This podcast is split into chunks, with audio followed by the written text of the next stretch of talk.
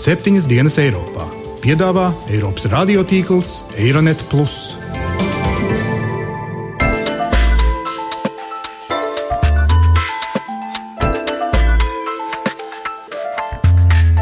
Šonadēļ septiņas dienas Eiropā dzirdēsim. Tworzyły podstawy, fundamenty polskiego rozwoju, polskiego państwa. Polijas valdības soļi ir tuvi dažiem arī Latvijas politiķiem.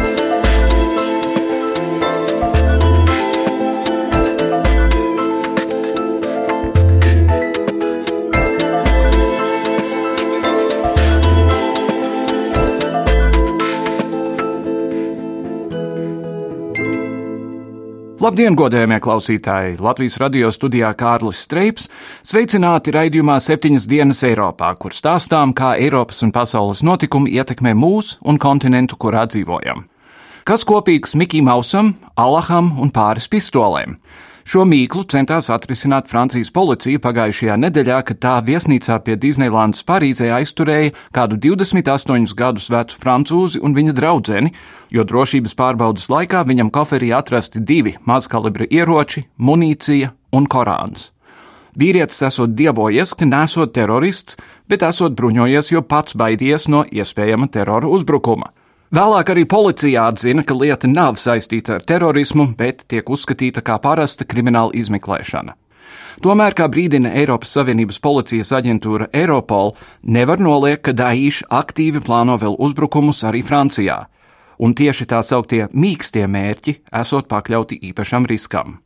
Īpašam riskam esot pakļauta arī vārda un citas brīvības, likums un taisnīgums pārvaldītajā Polijā, Tālāk šodien raidījumā par Eiropas komisijas uzsākto izmeklēšanu, lai noskaidrotu, vai Polijas jaunās valdības nesenie likuma grozījumi ir tādi, kuros var saskatīt sistemātiskas briesmas likuma varai.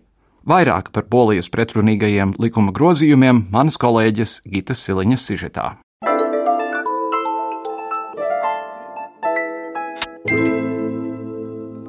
Janvāra vidū Eiropas komisija paziņoja, ka, ja komisija konstatēs, ka jaunie polijas likumi rada nopietnus draudus likuma varai, tā var ierosināt procedūras, ko paredz 2014. gadā ieviestais tiesiskuma mehānisms gadījumiem, kad Eiropas Savienībā pārkāpts tiesiskums. Ja Varšava ignorēs Briseles ieteikumus, tas teorētiski var novest pie Polijas balstiesību apturēšanas Eiropas Savienībā, ko paredz Savienības līguma 7. pants. Eiropas komisijas prezidents Žāns Klauds Junkers, viesojoties Amsterdamā par godu Nīderlandes Eiropas Savienības prezidentūras sākumam, bija norādījis, ka mēs esam procedūras sākumā un piebildis, ka nevēlas izteikties par turpmākām konsekvencēm, ko paredz līguma 7. pants. Junkers arī atzinis, ka visu var atrisināt pāri sarunu ceļā ar Varšavu. Nedramatizēsim, viņš teica, mēs Polijai neuzbrukam. Jāatgādina, ka pērn oktobrī notikušo parlamenta vēlēšanu rezultātā Polijā pēc astoņu gadu pārtraukuma pie varas atgriezās labēji konservatīvā partija Likums un taisnīgums, kas spēja iegūt absolūto vairākumu parlamentā. Politikas analītiķi spriež, ka premjere Beāte Šidlo un viņas izveidotais ministru kabinets un arī pagājušā gada maijā par prezidentu ievēlētais Andrzejs Duda ir figūras uz politiskās skatuves, ko no savām ēnas pozīcijām vadot bijušais bijušais premjerministrs Jaroslavs Kačinskis. Tikmēr jaunā Polijas valdība solījusies vairāk uzmanības pievērst nacionālajām interesēm, ģimenes un citām konservatīvajām vērtībām, kuras mūsdienu Eiropā vairs it kā netiekot uzskatītas par prioritāti bet mēdī Eiropā ziņoja, ka savu darbību jaunā valdība uzsākusi ar vairākiem lēmumiem, kas izraisījuši asu reakciju Eiropas Savienības struktūrās. Runa ir par diviem jauniem pretrunīgiem likumiem. Viens par Polijas konstitucionālās tiesas reformu, un otrs par sabiedrisko raidorganizāciju uzraudzību. Pirmais no likumiem attiecas uz konstitucionālās tiesas veidošanas principiem. Pie varas nākusī partija ne tikai nomainījusi 5 no 15 tiesnešiem, bet arī atbalstījusi jaunu kārtību, kas turpmāk būtiski sarežģīs iespējas konstitucionālajā tiesā apstrīdēt parlamentā pieņemtus likumus vai valdības lēmumus. Tāpat būšot plašas iespējas kontrolēt slepeno dienestu darbības.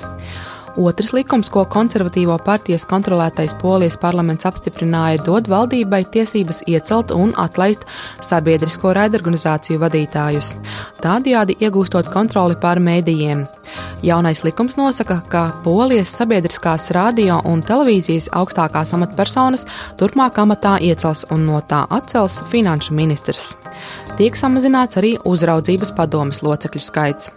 Mēdīju tiesību aizstāvju organizācijas asi kritizējušas jauno polijas likumu, tāpat arī organizācija Reportieri bez robežām, Eiropas raidorganizāciju apvienība un Eiropas žurnālistu asociācija. Tiek ziņots arī, ka Varšavā jau vairāk kārt notikušas māsu demonstrācijas, kurās piedalījās tūkstošiem cilvēku, lai protestētu pret konservatīvo valdības politiku. Tā piemēram, Euronews vēstīja, ka tūkstošiem poļu bija devušies ielās, kur lielu demonstrāciju daļu organizēja Neatkarīgā demokrātijas aizsardzības komiteja.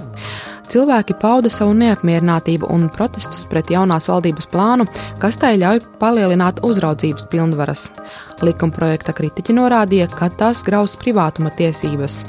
Jaunās valdības likumprojekts dodot slepenajiem dienestiem un policijas iestādēm ātru piekļuvi pilsoņu interneta un telekomunikāciju lietošanas datiem, pat bez tiesas starpniecības. Savukārt Ukraina Today uzrunāja demonstrantus, lai precizētu sīkāk viņu bažas. Andrejs Gutsaks skaidroja, ka iznācis ielā, lai protestētu pret vārda brīvības ierobežošanu Polijā. Nie zgadzam się po prostu z łamaniem prawa, z łamaniem konstytucji. Mēs iepriekš cīnījāmies ar komunistiem. Tagad vairs nav komunistu, bet ir citi cilvēki, kuriem nav nepieciešama vārda brīvība. Bet mums tā ir vajadzīga. Inaczej myślą i mają inne zdanie. Arī Ivona Derbalska skaidroja savu nostāju. Mēs nevēlamies, lai tiktu iznīcināta 25 gadus ilgusī demokrātija, kas ļauj mums dzīvot brīvi mūsu valstī. Mēs nepiekrītam uzraudzībai internetā, kā arī tam, ka tiek pārkāptas mūsu privātās dzīves robežas bez mūsu atļaujas. Ierindas cilvēki vismaz 40 polijas pilsētās ielu demonstrācijās pauda savu neapmierinātību ar vienas partijas nedemokrātiskajām aktivitātēm. BBC bija novērojis, ka Varšavā uzraksti uz demonstrantu plakātiem nes vēstījumu gan Briselē, gan pašiem sev Polijā. Piemēram, uz kāda no plakātiem bija rakstīts: Eiropa, mēs atvainojamies par to. Uz cita - laimīgu jauno 1984. gadu. Acīm redzot, tas lietots kā atsauce uz autoritārās valsts atainojumu Džordža Orvela romānā 1984. Tikmēr Eiropas komisija rosināja sākt dialogu ar Polijas pārvaldi par tiesiskuma un preses brīvības jautājumiem. Eiropas parlamentā janvārī šo tematu kaismīgi apsprieda plenāra sesijas debatēs, piedaloties Polijas premjerministrei Beātei Šidlo. No parlamenta tika ziņots, ka politisko grupu vadītāju reakcija bijusi dažādi. Citi kritizēja viņas vadīto valdību par demokrātijas pārkāpumiem, kamēr citi piekrita viņas apgalvojumiem, ka Polijā tiesiskuma principi nav pārkāpti. Piemēram, liberāla demokrātu līderis Eiropas parlamentā Gijs Ferhofstads aizrādīja Šķidlo demokrātijas mazināšanu. Jūsu partija uzvarēja vēlēšanās un ieguva spēcīgu pārsvaru. Jums ir tiesības pārveidot plašsaziņas līdzekļu sistēmu un reformēt civildienestu, bet jums nav tiesība iet pret vairākumu viedokli, lai atteiktos no demokrātiskām pārbaudēm un pārskatiem jūsu valstī. Tas ir pretrunā ar konstitūciju un netika izziņots jūsu partijas priekšvēlēšanu programmā.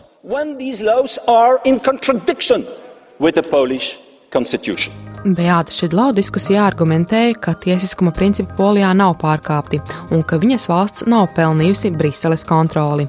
Te dobre zmiany, z którymi umówiliśmy się w wyborach z naszymi wyborcami. Polijas iedzīvotāji mūsu programmu izvēlējās demokrātiskās vēlēšanās, un mēs to īstenojam, ievērojot mūsu konstitūciju un Eiropas līgumus. Debates par Polijas konstitucionālo tiesu ir politiskas, nevis juridiskas, tāpēc tas ir Polijas iekšējais jautājums. Bet es esmu gatava sarunāties arī ar opozīciju. Tā Šidlo. Savukārt cits parlamentārietis Juans Fernando Lopes Agilārs intervijā Raicacijai Euronet Plus uzsvēra, ka tikai aptuveni 30% no polijas iedzīvotājiem ir balsojuši par šo jauno valdību, tādēļ otrs vairākums ir jāaizsargā kā Eiropas Savienības pilsoņi. Viņš arī apgalvoja, ka Eiropas Savienības kontrole netiek attiecināta personīgi uz Poliju, bet gan uz šo valsti kā Eiropas Savienības dalību valsti, kuras iedzīvotāju tiesības ir jāaizsargā. Tā nav diskusija par ārvalstu spēku, kas uzliek aci Polijas suverenitātei. Runa ir par Eiropas iestādēm, kas atrodas Polijā kā Eiropas Savienības dalību valstī, un tām ir visas Eiropas Savienības dalību valstu tiesības. Turklāt Polijas pilsoņi nav tikai Polijas pilsoņi, tie ir arī Eiropas pilsoņi, un viņiem ir tiesības tikt aizsargātiem politiskajā jomā un arī politiskajās debatēs. Tikmēr tiek ziņots arī, ka Polijas valdošās konservatīvās partijas partijas pieņemtie pretrunīgi vērtētie likumi, kas var kaitēt gan mēdīju, gan tiesu sistēmas neatkarībai, līdzinās Viktora Orbāna īstenotajām reformām Ungārijā. Šī valsts regulāri tiek apsūdzēta par demokrātisko vērtību apdraudējumu.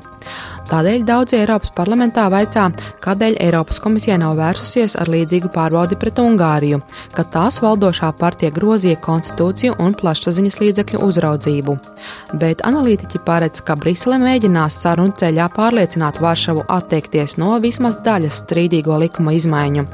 Savukārt ārpolitikas eksperti Polijas gadījumu jau pagūši novērtēt par vienu no lielākajiem 2016. gada izaicinājumiem Eiropas Savienībā. Vēl kādu brīdi attiecības starp Briseli un Varšavu būšot pārdomu periodā.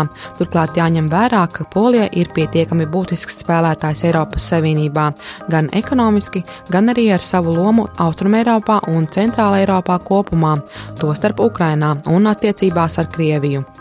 Abām pusēm esot jāmeklē dialoga un izpratnes risinājumi, un arī jāpārdomā retorika, jo, piemēram, Vācijas politiķu paustajos viedokļos un izteikumos polijas politiķi slimīgi saklausa senāku otrā pasaules kara radīto traumu toņus. Bet vienlaikus ir skaidrs, ka jaunā vara Polijā turpinās nervozēt bēgļu nogurdināto Eiropu, taču būtiski sodi visticamāk nav sagaidāmi. Lai apspriestu Polijas valdošās konservatīvās partijas likums un taisnīgums sabiedrisko mediju likuma grozījumus un izmaiņas konstitucionālās tiesas sastāvā, kā arī noskaidrot, kā un kāpēc norisinās Eiropas institūciju vēršanās pret Polijas valdību un tās lēmumiem, studijā esam aicinājuši Baltijas mediju izcilības centra izpildirektori Ritu Rudušu, labdien! Labdien! Un Eiropas parlamenta deputātu Arti Pabriku. Labdien! Labdien, un paldies jums abiem, ka esat klāt. Rita, ko izcilības centrs var darīt lietas labā? Runāt par sabiedrisko mediju mēdīju neatkarību.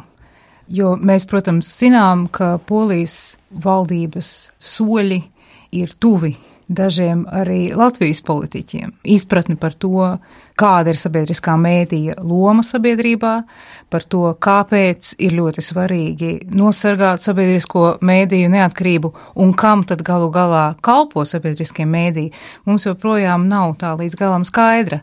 Un tas, ko mēs eh, plānojam darīt, mēs plānojam rīkot eh, apaļo galdu, pasaucot arī Ziemeļvalstu sabiedrisko mēdīju vadītājus, lai šo tēmu paceltu tādā publiski augstākā līmenī. Kas ir zināms par tiem cilvēkiem, kas tur ir ielikti vadībā? Tie ir pilnīgi politiski savējie, vai vismaz kaut kas viņiem ir saistīts ar mediju pasauli?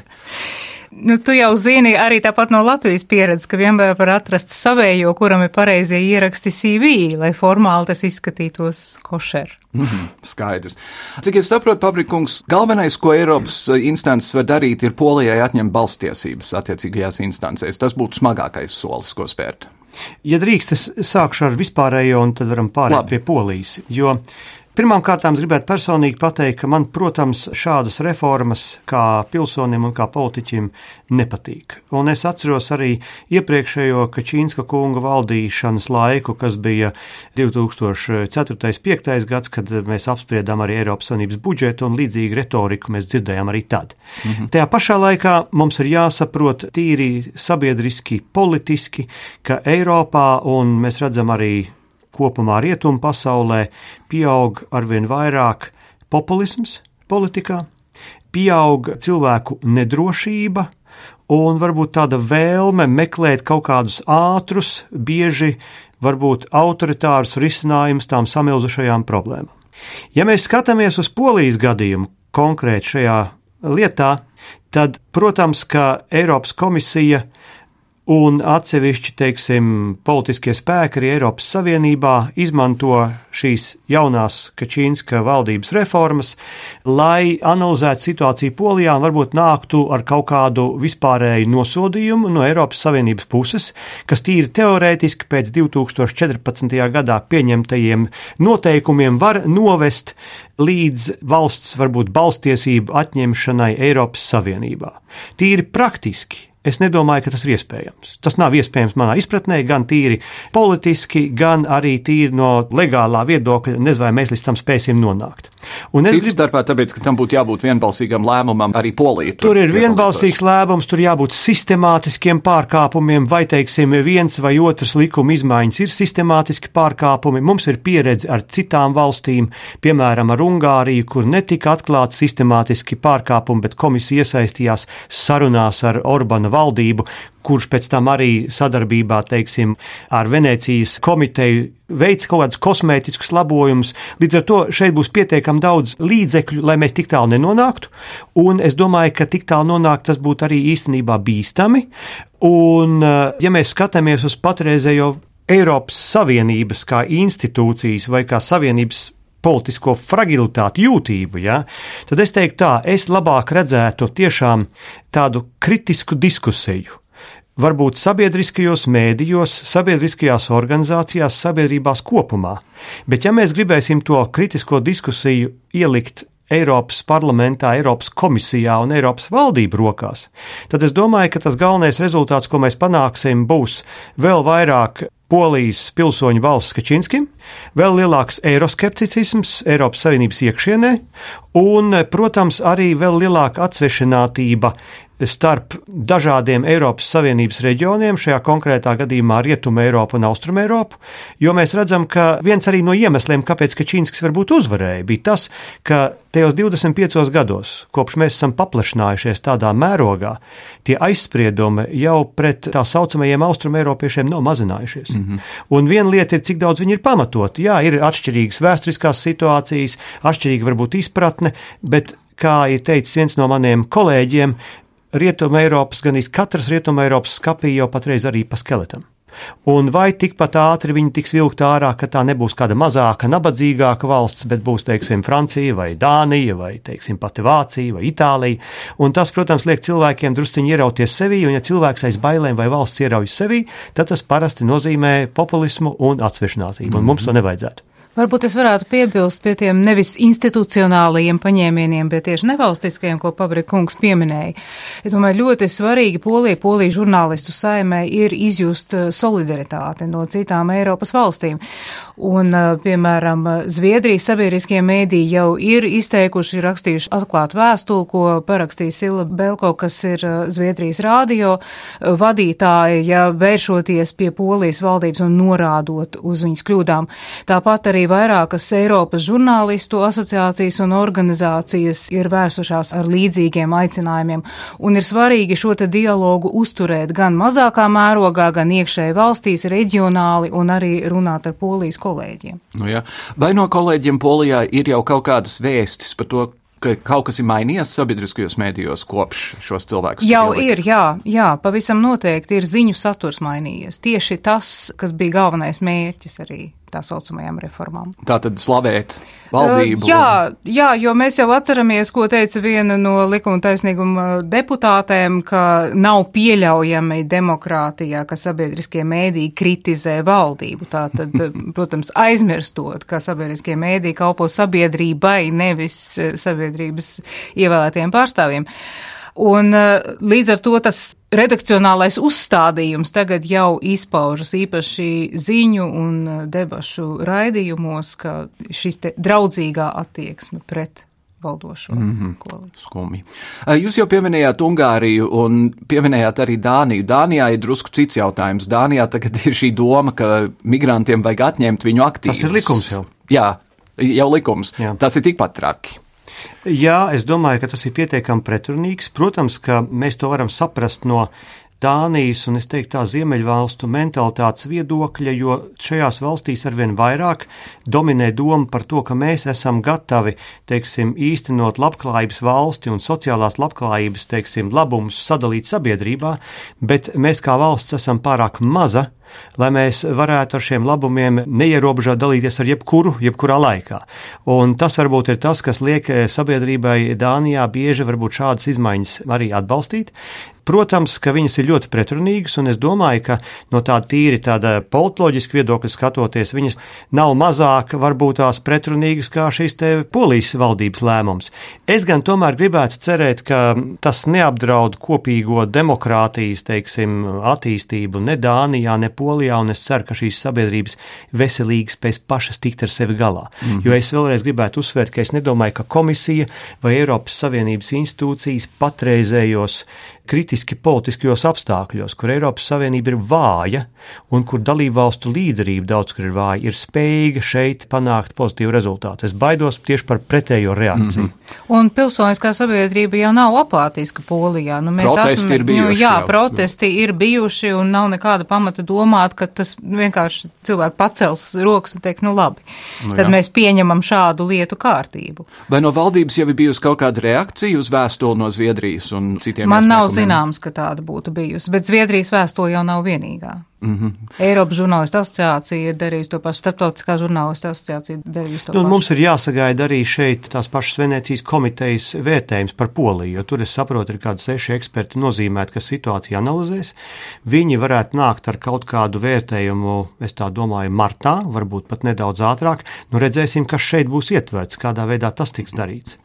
Es domāju, ka arī svarīgi, ka tie Polijas sabiedriskās televīzijas cilvēki, vadītāji un prominentie žurnālisti, kuri atkāpās vēl pirms šī likuma stāšanās spēkā, kā protestējot pret to, kas ir gaidāms. Ja? Ko teiks viņi? Jo viņi, protams, viņiem seko līdzi uzticama auditorija, kuri arī viņos ieklausīsies, un ja viņi parādās citos mēdījos, te varētu būt komercmēdija, ja? kurus ir grūtāk ietekmēt ar šādām svirām. Ja?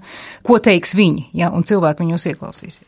Ko jūs, polijas kolēģi? Eiropas parlamentā saka par šo lietu. Vai viņiem ir kauns, vai Polijas kolēģi arī pauž īstenībā dažādus viedokļus, jo, protams, tie pārstāvji, kas ir arī manā partijas grupā, tautas partijas grupā un kas ir starp zaudētājiem pēdējās vēlēšanās Polijā, viņi arī iekšēji no vienas puses vēlās, protams, dzirdēt šo kritisko Eiropas balsi attiecībā uz Kačinska valdību bet tajā pašā laikā viņi brīdina, tāpatās kā es iepriekš teicu, par to, ka šeit pārlieku aizrauties ar ļoti strauju polijas kritiku. Būtu bīstami, jo tas tikai stiprinātu Kačīnska populisma iespējas, atsvešinātu Poliju no Eiropas Savienības institūcijām. Lūk, ļaunā Eiropa. Jā, un atsvešināt arī Rietumu un Austrumu Eiropu, kas patreiz jau arī dēļ tā saucamās migrācijas vai bēgļu krīzes arī kritiska. Mums ir pretruns arī drošības jautājumos. Tā kā šeit ir ļoti daudz sarežģītu jautājumu pēc tam, un e, mums ir jāsaprot, protams, arī tie iemesli, kādēļ šīs sabiedrības globālajā vidē patreiz tā mainās. Līdz ar to poļu kolēģu viedoklis arī ir diezgan tāds piesardzīgs. Viņi, protams, vēlētos tīri personiski, kā, nu, kā partijas biedrs šo atbalstu redzēt, ja, bet viņi nevēlas, lai tas paliktu visu Poliju un šo savienību zem sitiena.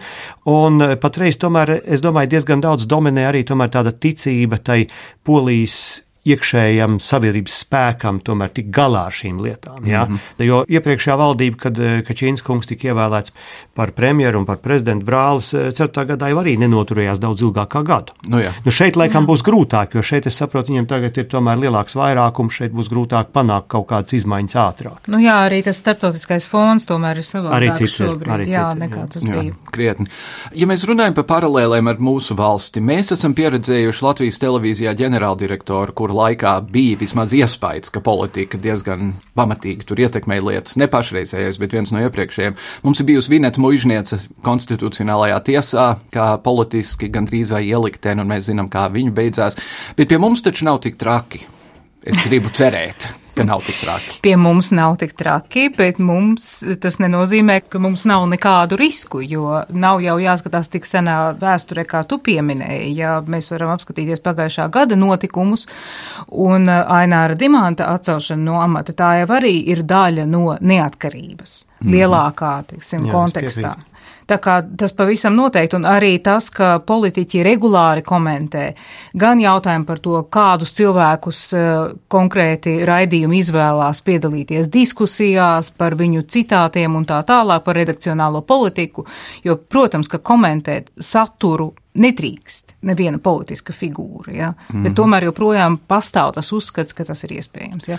Un, bet es domāju, ka tiešām notikumi ap Aināra Dimana atlaišanu ir simptomātiski. Tas nozīmē, ka nav mums viss kārtībā. Nu, ja. Līdz salīdzinoši nesenam brīdim tu pati strādāji Latvijas televīzijā diezgan ievērojamā amatā. Nācās bieži ar politiķiem runāt? Gadījās reizēm, jā. mm -hmm. Un vienmēr tas ir, tas nav labi. Es principā domāju, ka politiķiem nebūtu jāzvana satura vadības cilvēkiem sabiedriskajos mēdījos. Mm -hmm, es piekrītu. Ārlietu ministrs savā ziņojumā par ārpolitiku minēja iespēju, ka pēc gada mēs varētu redzēt Eiropas Savienības drupas. Vai jums rodas iespējas, ka kaut kas irst pa vīlēm pat labam? Ir ļoti grūta situācija. Un es nedomāju, ka mēs redzēsim Eiropas Savienības drupas pēc gada, jo es nedomāju, ka tas process, ja viņš ies negatīvā virzienā, viņš notiks tā no viena vakara uz otru rītu. Mm -hmm. Bet tā vispārējā tendence, ka Eiropas Savienība paliek globāli vājāks spēlētājs, ka Eiropas Savienība šo te aso izaicinošo jautājumu priekšā iet nevis savstarpējās stiprināšanas un integrācijas ceļu, bet var izvēlēties, teiksim, sairšanas ceļu. Šeit atbilde vēl nav sniegta. -hmm. Un, eh, protams, ka es vakar arī atgriezos no vienas konferences Berlīnē, Un um, tur piemērs bija tāds, ja mēs skatāmies, ka Vācija ir centrālā valsts Eiropas Savienībā geogrāfiski un savā ziņā arī varas dēļ. Ja Vācijā nākošajās vēlēšanās, 17. gadā, tiks ievēlēti vairāk populisti un vairāk eiroskeptiķi Vācijas parlamentā. Tas nozīmēs, ka Vācijas kā lielākās varas loma Eiropas Savienībā samazināsies, un tas nozīmēs, ka šie ja tā var teikt, centrifugālie spēki vēl vairāk pieņemsies, kā teikt, eh, spēkā. Mm -hmm. Un tas tādai valstī kā Latvijai ir ļoti bīstami, jo atšķirībā no Francijas vai Vācijas vai Nīderlandes vai Itālijas, mums šis nav jautājums par mūsu ienākumiem, par darba vietām, par labāku vai sliktāku dzīvi Latvijai, tāpat tās kā Izrēlai, tas ir eksistenciāls jautājums mēs esam tomēr pie Eiropas Savienības robežas. Un no šāda viedokļa skatoties, vai nu mēs to saliekam kopā ar mēdīju jautājumiem Latvijā vai ar, teiksim, politiķu iejaukšanos vai nē, man būtu svarīgi redzēt, cik daudz, piemēram, Latvijā liela ir tā sabiedrības daļa, kas ir gatava varbūt protestēt vai iziet uz ielām, ja tiek apdraudētas tās klasiskās, ko es teiktu, liberāli demokrātiskās normas mūsu valstī. Un es baidos, ka šī sabiedrības daļa nav pietiekami liela, un pie tā mums ir jāstrādā. Un viņa paliek ar vien mazāk arī rietumvalstīs, un tā ir tā lielākā problēma. Un šī ir tā sabiedrības daļa, kas ir stāvējusi pie šī Eiropas Savienības šūpuļa. Un tā kritiskā lieta ir, vai mēs spējam Eiropas Savienības iekšienē rast atbildi uz šiem izaicinājumiem kopā un atsevišķi. Nu, ja. un, protams, Latvijā daļa no problēmas ir, ka mūsu politiskajā šķirā ir ļoti, ļoti, ļoti maz cilvēku, kuri atļaujās sevi saukt par liberāliem, ja arī viņi patiesībā sirdī tādi ir. Jo viņi baidās ka ir ļoti, ļoti maz to vēlētāju, kas viņus par to atbalstīs. Un, ja politiķim nav vēlētāji, tad, lai cik nebūtu svēti un jauki viņa politiskie plāni, nu, runāt par politiskiem plāniem mājās no divāna diezko neatmaksājās. No, Tā tas laikam, tā tas diemžēl ir. Jā. Varbūt izstāst divos vārdos cilvēkiem, kas ir mediju izcilības centrs. Nu, mediju izcilības centrs ir uh, viena no idejām, kas dzīvo no tādām uh, pašrefleksijas procesa, kas notika Latvijas, ne tikai Latvijas, bet eh, Baltijas arī kopumā mēdījos eh, pēc Ukrainas. Jo bija skaidrs, ka mēs esam vāji, tāpat kā Eiropas Savienība, arī mēs neesam vai neesam tik stipri, kā mums vajadzētu būt. Un tas nav tikai saistīts ar konkurēt spēju un, un spēju piedāvāt alternatīvu propagandai, kas nāk no retranslētiem kanāliem. No austrumiem tas ir vispār pašpārliecība, tā ir pašregulācija, iekšējais dialogs par to, ko mēs darām, nedarām labi un uh, tiekšanās uz izcilību. Labā šī vārda nevis tādā buzzword, tāda vispārīga mm -hmm. vārda nozīmē, bet tiešām jēgpilni tiekties uz izcilību.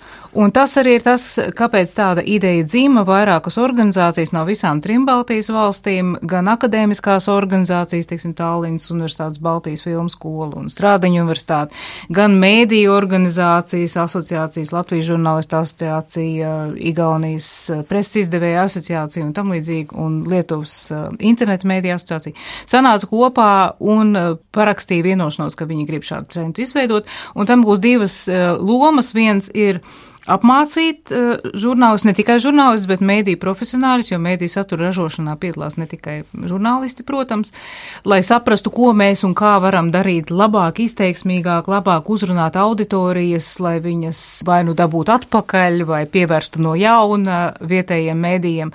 Un uh, otrs ir mēdīju lietot prasme, kas ir tās pilnīgi nekopts lauciņš. Baltijas valstīs varbūt uh, Lietuvā ir vairāk darīts, un drusku Igaunijā, Latvijā praktiski nekas. Mm -hmm šajā laukā nav darīts. Un tur, protams, mērķa auditorija ir gan sabiedrība kopumā, gan arī tie cilvēki, kas pieņem lēmumus Jā. Un pabrikungs šī ir tā būtiskā lieta. Ko politika dara, tā ir viena lieta. Ko sabiedrība dara, tas ir kaut kas cits. It īpaši, ja cilvēki var sanākt kopā no dažādām valstīm un dažādām jomām. Jā, bet uh, mums ir jāsaprot, ka arī šeit tā politika ir dzinusi saknes, un nevienmēr tas arī ir pozitīvi. Jo mēs redzam, ka, nu, piemēram, tādās lietās kā sadarbība, transatlantiskā sadarbība starp Eiropu un Ameriku. Šeit ir virkne arī nevalstisko organizāciju, kuras varbūt viņiem zinot, varbūt viņiem nezinot, tiek izmantotas politiskos nolūkos no ārvalstīm. Tas ir viens. Otrs ir, ka, ja es skatos, piemēram, un, protams, tas ir subjektīvs skatījums, jo es nāku no centriski labēji tāda politiska flanga tomēr, bet, ja es skatos, piemēram, par to pašu starptautisko tirzniecību un tiem līgumiem, kas mums jānoslēdz ar Kanādu, es nemaz nerunāju par Amerikas Savienotajām valstīm. Šeit ir virkne nevalstisko organizāciju, kas ir varbūt mazas, bet pārāk lielas sabiedrības daļu pārstāvošas, bet kas šādi saņem no interesantiem avotiem naudu un ir ļoti skaļas, un ar kurām runājot, īstenībā argumentam nav spēks. Jo vienalga, kādus argumentus tu piedāvā, tie tiek noraidīti, jo nu, viņi, vien, vienkārši, ne, viņi vienkārši neieklausās. Mm -hmm. Un tas, protams, ir ļoti sāpīgi, jo tev kā politiķim tev ir vienmēr jābūt atskaitēji teiksim, gan pret sabiedrību, gan pret nevalstiskām organizācijām, kas it kā šo sabiedrību pārstāv.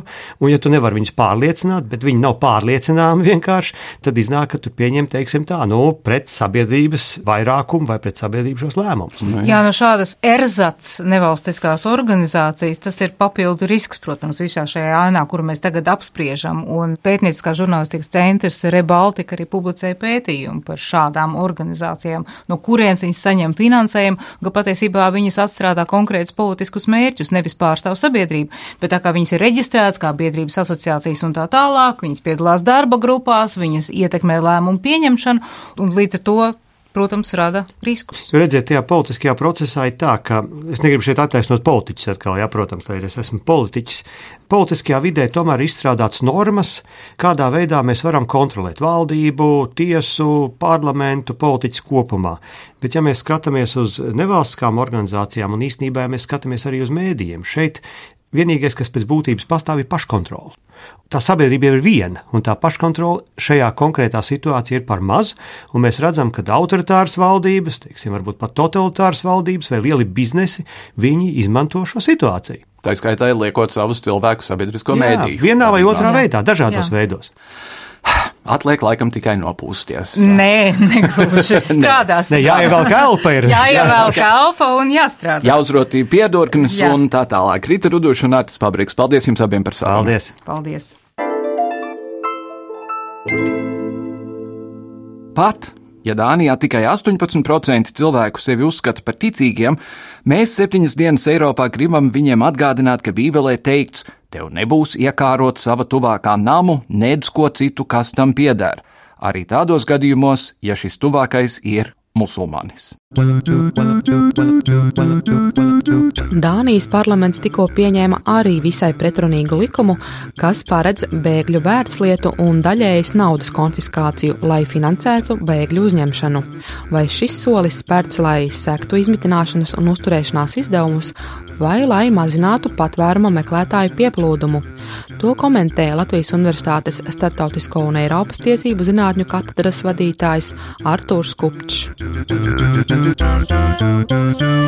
Šis likums šobrīd ir vērsts uz to, lai mazinātu patvērumu meklētāju plūsmu uz Dāniju, jo varbūt šis aspekts ir izskanējis plašāk, bet šie grozījumi ir tikai daļa no plašākiem ierobežošiem grozījumiem, ko šobrīd Dānijas, teiksim, parlaments un īpaši Dānijas tautas partija ir ierosinājusi, tur ir, teiksim, gan sakot ar strāku robežu kontroli, gan sociālo pabalstu samazināšana, gan arī tas, ka, teiksim, patēru meklētājiem šī aizsardzība tiek piešķirta nevis pastāvīgi, bet tikai uz gadu, un tad atkal, teiksim, tas tiek pārskatīts, tas arī tiek paredzēts šajā jaunajā likumā, gan arī, kas ir varbūt īpaši tā sāpīgi daudziem, tas, kad uh, arī, teiksim, no bēgļu status iegūšanas brīža nākamos trīs gadus ir aizliegts uzaicināt, apvienoties ar saviem ģimenes locekļiem, bērniem, laulātiem, respektīvi.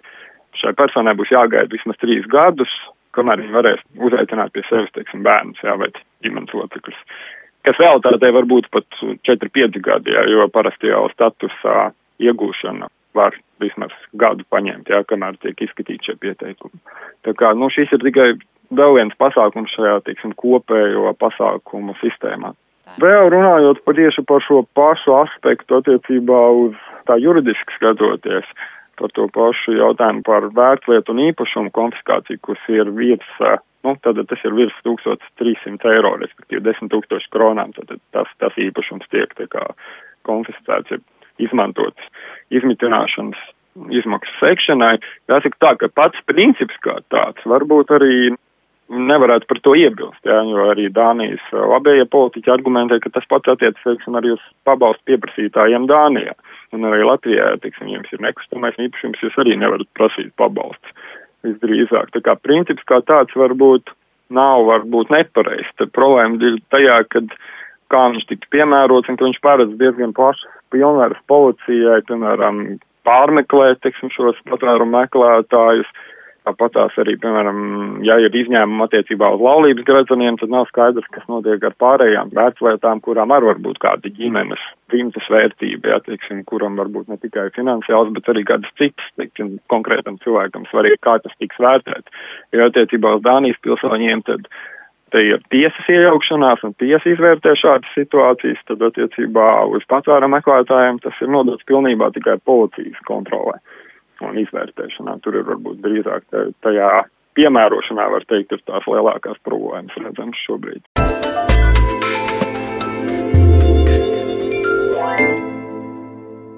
Ar to arī izskan šīs nedēļas septiņas dienas Eiropā. Katrā gadījumā tas, kas notiek Polijā, ir diezgan briesmīgi, un cerēsim, ka nākamreiz, kad tur būs vēlēšanas, poļu tautai būs daudz vairāk veselā saprāta. Paldies, dāmas un kungi, ka klausījāties līdz nākamajai nedēļai! Visu labu!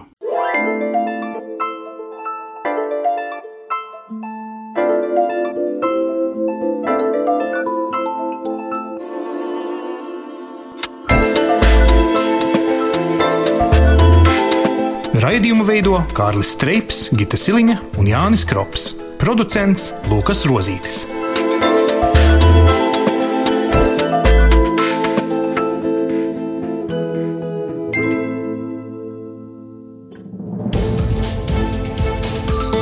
Visus Eironet plus sižetus un raidījumus meklējiet Latvijas radio mājaslapā.